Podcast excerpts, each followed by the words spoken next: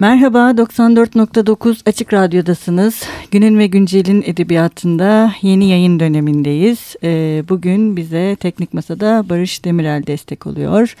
Ve konuğumuz Didem Ardalı Büyükarman. Hoş geldin Didem. Merhaba, hoş buldum.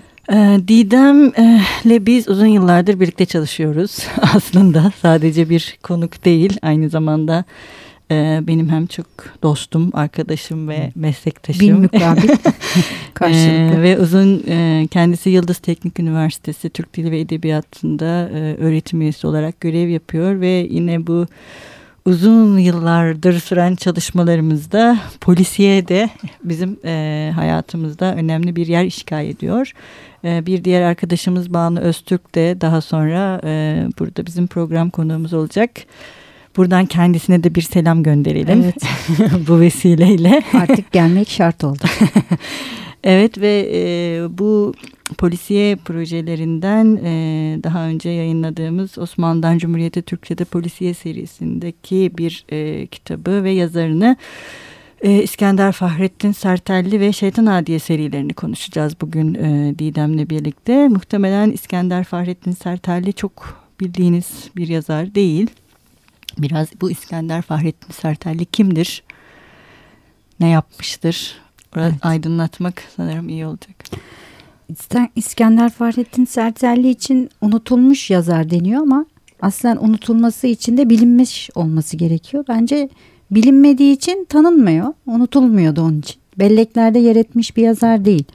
Ama ürün birikimine baktığımız zaman 1943 senesinde vefat etmiş.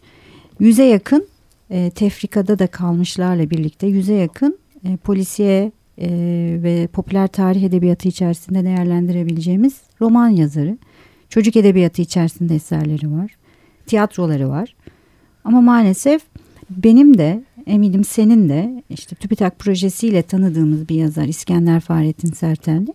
Tabii bizim çalıştığımız dönem 1928'de bitiyordu.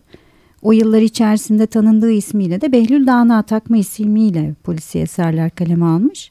28 e, harf inkılabından sonra ise İskender Fahrettin Sertelli ismiyle devam etmiş hayata. Biz şimdi bu projede yazarımızın hayatına da yer vermiştik bütün hepsine. Bu noktada ben İskender Fahrettin'e yoğunlaşmıştım.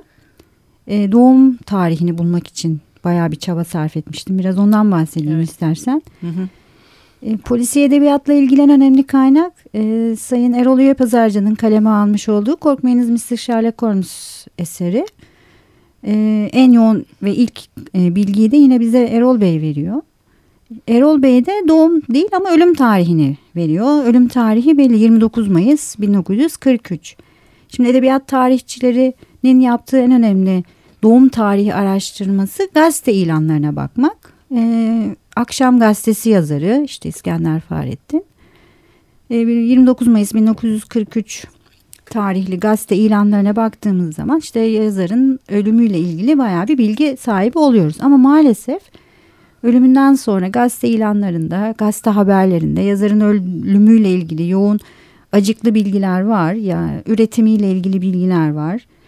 İşte kendisinin çıkartmış olduğu Tarihten Sesler isimli e, dergide hakkında yine çok fazla bilgi var ama doğum tarihine kimse değinmiyor. Veya şöyle bir bilgi vardı 48 yaşında vefat etti. E, işte 43-48 çıkartması yaptığımızda da 1895 gibi bir tarih çıkıyordu. Ben de hatta ilk Şeytan Hadiye kitabının ön sözünde bu bilgiden yola çıkarak e, doğum tarihini 1895 olarak belirlemiştim. Ama ondan sonra Gazete haberlerine yeniden dönüp baktığımda işte e, Feriköy mezarlığında defnedildiğine dair bir bilgi vardı. O şeyden yola çıkarak da hani dedektiflik yaparak da hı hı. bu sefer e, mezarlıklar daire başkanlığıyla bir iletişimim oldu. Orada bana çok yardımcı oldular ve yazarımızın e, net doğum tarihini öğrenmiş olduk. 1892. ha, ne oldu? Soğuk füzyonu bulmadık belki ama sonuçta bir yazarın e, edebiyat tarihinde zaten hiç yeri olmayan bir yazarın en azından edebiyat tarihine e, bugünden itibaren doğru bir geçişi oldu. Babasının ismini öğrendik işte Ali Ramiz Bey. Annesinin ismini öğrendik Fahire Hanım. Hı hı. E, ondan sonra da bir tabii e, Erol Bey'in de yoğun araştırmalarıyla bir hayat hikayesi yazarımız için e, oluştu. İnşallah bundan sonraki kaynaklarda e, şimdi Erol Bey de bir kitap hazırlıyor zaten. Hı hı, popüler, popüler romanlar üzerine. üzerine. Orada da e, bu bilgiler geçecek. Peki döneminde aslında bayağı bilinen birisi değil mi İskender Fahrettin Sertel? Tabii. Yani, Sadece polisiye de yazmış biri değil. Sadece sanırım. polisiyeyi aslında işte, e, harf inkılabından hemen önce yani 28'de ilk polisiyelerini yazıyor. Üç serisi var. E, işte benim daha çok çalıştığım Şeytan Adiye serisi. E, Yılmaz Amerika'da serisi. Bir de Ele Geçmez Kadri. Türklerin Arsen Lüpen'i Ele Geçmez Kadri serisi. Bu üçü Arap, Arap alfabesinde kalanlar. Ondan sonra da yine ilk e, harf devriminden sonra başladığı serilerde genelde popüler tarih edebiyatı içerisinde değerlendireceğimiz e, Abdülhamit ve Afrodit mesela ilginç bir romanı. E, ondan sonra da işte daha çok mesela e, tarih tezi çerçevesinde yazdığı Sümer Kız hmm. diye mesela var.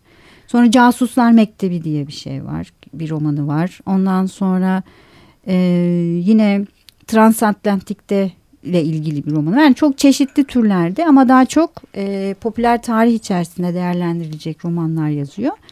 E, Yılmaz'ın maceralarını Latin alfabesinde devam ettiriyor. Dediğim gibi yani te, şu anki tespitlerimize... Polis Yılmaz'ın evet, maceralarını. Şu anki tespitlerimize göre 57 tanesi gazete ve dergi sütunlarında hani tefrika olarak kalmış. 43'ü basılmış 100 tane roman yazarı bu adam. Sadece roman yazarı.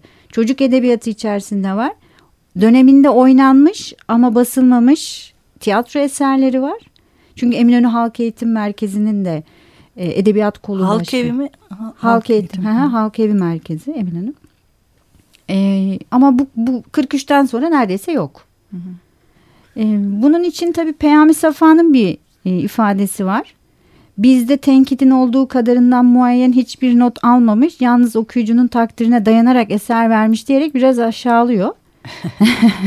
yani bu şekilde çok popüler bir yazardı.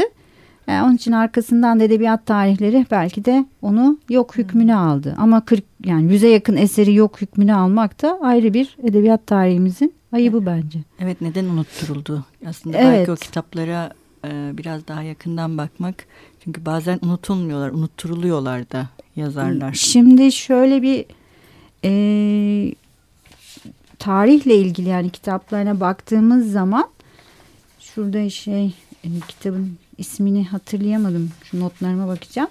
Fatih ile ilgili bir romanı var. Hı. Şimdi o dönemde Kara Davut diye de bir roman yazılıyor. Ha, meşhur o meşhur. Kara Davut. Ama e, Kara Davut'un genel konusu e, Fatih'i kötüleyerek geçen bir işte hatta Kara Davut e, Fatih'e bir tokat bile hani akşedecek kadar ileriye gitmiş. Ama İskender Fahrettin'in Fatih yani aslında e, İstanbul'un alınışıyla ilgili bir üçlemesi var.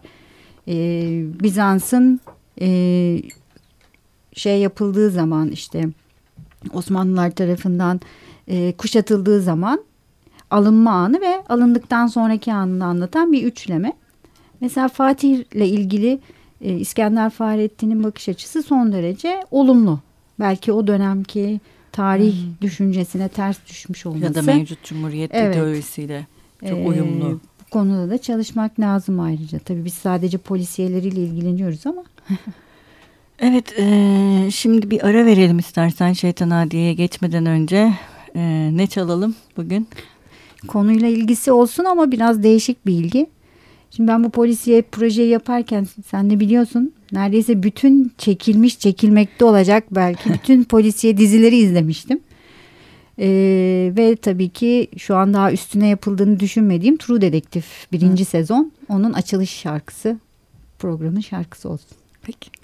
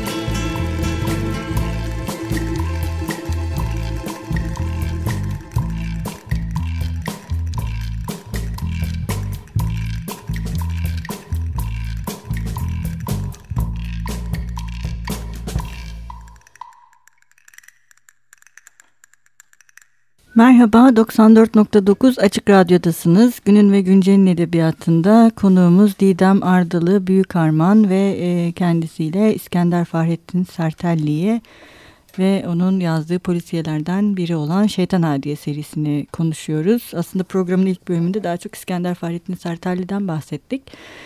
E, şimdi Şeytan Hadiye e, zaten şey değil mi? Çok böyle bizim rastladığımız bir polisiye hatta belki günümüz polisiyesinde düşündüğümüzde e, kadınların doğrudan baş karakter olduğu e, kitapların öncüllerinden aslında değil mi?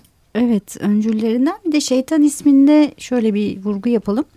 Olumsuz bir özellik olarak değil bilakis e, onun gücüne yöneltilen bir olumlu aslında anlam var.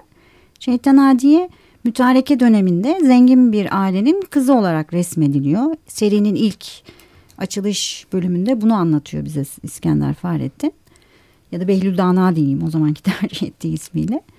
Genelde e, bizim araştırmada da bu ortaya çıkmıştı. Yani serilerin açılışları hep ana kahramanın da tanıtımıyla oluyor. E, şeytan Hadiye'nin de hayatta amacı şeytan olmak değil ama başına bir felaket geliyor. Ve İngilizlerin işgali altındaki İstanbul'da ailesi aşağılanıyor. Evleri soyuluyor ve e, o zamanki İstanbul'da bulunan İngiliz e, polis hafiyesi İngilizlerin işte polis güç kuvveti olan Mr. John Türklerde polis yoktur ve e, siz suçlusunuz şeklinde bir aşağılayıcı cümlelerle e, aileyi kötü duruma düşürüyor. Ve bundan sonra şeytan adiye şeytanlaşıyor ve bütün hayatı Mr. John'u rezil etmek üzerine kuruyor. Mr. John İstanbul'dan ayrılıyor ve İngiltere'ye, Londra'ya geçiyor ve Şeytan Hadiye de şeytan kimliğiyle onu takip ediyor. Bütün hikaye aslında bu. Yani çok yoğun bir e, polisiye de aradığımız işte muamma, öldürme, suçlu takibi yok. Yani bütün kurgu Behlül Dana'da Şeytan Hadiye'nin İngiltere'de, Londra'da e, Türk kızının bir İngiliz polisini rezil etmesi üzerine. Aslında bu da oldukça anlamlı değil mi? Yani Türk kızı evet. e, e, İngiltere'de on ve kendi ül yani ne diyelim o ülkede o e, ülkeyi rezil evet. ediyor. Aynı şeyi e, ilk yani aslında bu ikinci e, serisi. Birinci serisi Yılmaz'ın polis afiyesi Yılmaz'ın Amerika. Amerika'daki hmm. maceraları. Orada da Amerika'ya bilgi görgüsünü arttırmak için gitmiş olan Yılmaz orada Amerikalılar aslında polisliği öğretmiş oluyor. Burada da polisi öğretmek yok. Polisi kötü düş duruma düşürmek Londra'da. Şimdi şeytan adiyenin özellikleri biraz ilginç. Bu bizim yine e, çalışmamızda da senin de çok iyi bildiğin gibi tespit ettiğimiz bazı özellikleri var. Öncelikle genel olarak konuştukları yaban, öğrendikleri yabancı dili mükemmel ve aksansız konuşmak. Robert Kolej mezunu Şeytan Adiye ve iyi aksan, bir aileden iyi geliyor. bir aileden geliyor. Zengin. Sonuçta evet. yazar maalesef bu Türkçe polisiyelerde bu ayrıntılara çok yoğunlaşmıyorlar. Yani bunca parayı pulu bulup işte satıp Londra'ya nasıl gitmiş bu kadın diye bir soru soramıyoruz okuyucu olarak. Ya da orada kendine ait polis e, suç işte çetesini nasıl kuruyor onu da sorgulamıyoruz kabul ediyoruz sadece. E, şeytanın şöyle bir özelliği var şeytan hadiyenin manyetizma gücü var ki bu da bizim polis... Manyetizma nedir biraz dinleyicilerimiz için? manyetizma bir göz gücü hı hı. aslında hipnoz gücüyle e, birleştirilmiş bir gözden elektrik çıkartma gücü. Şimdi şeytan hadiye bütün aslında olayları bu şekilde hallediyor. Yani Mr. John'u gözüyle e, hipnoz ediyor, elektrik çıkartıyor. Öyle ki bu manyetizma gücüyle görünmezlik gücüne de sahip. E şimdi insan oturup dururken şunu da düşünmüyor değil okuyucu olarak. E madem bu kadının böyle güçleri vardı bunu İstanbul'da yapsaydı e o zaman Mr. John'u halletseydi o zaman o hırsızlık meselesini ortadan kaldırsaydı e tabi bunu sormuyoruz. Ve e, şeytanın e, muhteşem maceralarını hani Londra'da okuyoruz. Bu biraz şeyle de ilgili herhalde. Belirli bir mesaj verme kaygısı var kitapların. Bu ulusal e, incinen ulusal evet, gururun tabii tam 28 yılında yazıldığı için evet özellikle İngilizlerin kötü duruma düşürülmesi yani tamamen rezil edilmiş. Şimdi hikayelerden bir tanesi çok ilginç. Onu da güzel e, tespit ettin sen de. E, gizli dosyaları bozarken diye mesela bir öyküsü var bu seri içerisinde. Tabii bunların da nasıl öyküler olduğunu da anlatmamız lazım. Evet. Yani kaç kitap toplam? Toplam 12 kitaptan oluşuyor. Ama bunlar uzun öyküler değil. 12 kitaptan oluşuyor derken de bunu bir açalım. Bunlar aslında e, dime novels dediğimiz ve Erol Bey'in çok hoş bir tabiriyle 10 paralık öykü serisi. Dime novels 10 penny'e satılan Amerika'da bir öykü e, ve ucuz öykü anlamında kullanılan polisiye edebiyatın ve sayfa sayısı ve sayfa çok az. sayısı çok az. Kağıt kalitesi işte düşük. düşük. Tamamen macera odaklı, kovalamaca, takip, e, yoğun hani heyecan odaklı eserlere verilen bir isim. Bunlar gazetede olsa tefrika diyeceğiz ama basıldıkları için fasikül şeklinde evet. basılıyor ve sonrasında hani birleştiği zaman bir seri olmuş oluyor. Genelde 10-12'lik seriler yazmış yazarlarımız ama şimdi Cingöz Recai serisi de aslında Dime Novels'la başlamış ama o biraz daha ileri Arada romanlara romana da. da çevirmiş ama e, İskender Fahrettin'in bu üç e, eseri için tamamen Dime Novels diyebiliriz işte en fazla Arap alfabesiyle 20-30 sayfaya denk gelecek. E, çok çabuk olay örgüsü açılan, çok çabuk, çok hızlı giden, e, merak unsurunu çok çabuk hani ortadan kaldıran eserler. Bunların içerisinde 10. hani öykü, 10. 10 paralık öykü gizli dosyaları bozarken. Şimdi gizli dosyalar ne? Amerika dışişlerinden bir görevliyle İngiltere. İngiltere'de oluyor olaylar. Kırsalda tesadüf eseri şeytan adiye bir fark ediyor ki Amerikan dışişleri ile İngiliz dışişleri gizli bir toplantı yapıyor ve genel olarak dünyanın e, Gidişatı. gidişatına hani e, kötü olabilecek kararlar alıyor ve e, oranın korunma görevlisi bizim şeytanın zaten e, gıcık olduğu Mr. John polis e, baş, başındaki işte Mr. John ve şeytan adiye Mr. John'u da rezil etmek ve hem de gizli dosyaları bozmak için işe el atıyor mesela. Böyle de bir şey, hikayesi var. Evet bir nevi komplo teorilerinin ortaya çıkarılması evet. gibi. Peki bir kadın olarak gerçekten bir e, kadın figürü mü şeytan adiye? Kadınlığını kullanarak mı insanları kandırıyor? Yani kadın olmasının bir avantajı var mı? Kadın olmasının avantajı var çünkü güzel bir kadın. Güzel olmasının dışında son derece batılı bir kadın e, her türlü ortamda kendisine e, dikkat çekebiliyor. Tabii bir diğer özelliği de e, kılık değiştirme ustası ki bu genel bizim Türkçe polisiyemizin de bir özelliği. Her türlü kılığa girebiliyor. Ama her zaman e, güzellik yani ilk etapta düzgün konuşması, eğitimli olması önemli. Ama cinsellik açıdan soruyorsan öyle bir özelliği yok. Yani cinselliğini kullanarak herhangi bir e, kandırmacaya girmiyor. Ama tuzak kurmayı çok be beceriyor. Adamları var devamlı. Mesela çetesi hakkında çok fazla bilgi vermiyor. Cingöz Recai serisinde Peyami Safa biraz daha başarılı. Yani biraz demeyeyim orada çok başarılı. Zaten e, Behlül Dana'nın Müstar ile işte İskender Fahrettin'in bu serisi de Cingöz'den nasipleniyor. Oradan e, yola çıkarak yazdığını burada iddia etmemiz yanlış olmaz. Onun Çekirge Zehrası var. Ondan sonra Tilki Lemanı var. işte Cingöz Recaisi var. E, İskender Fahrettin'in de işte Yılmaz'ı var. E, Şeytan Hadiyesi var.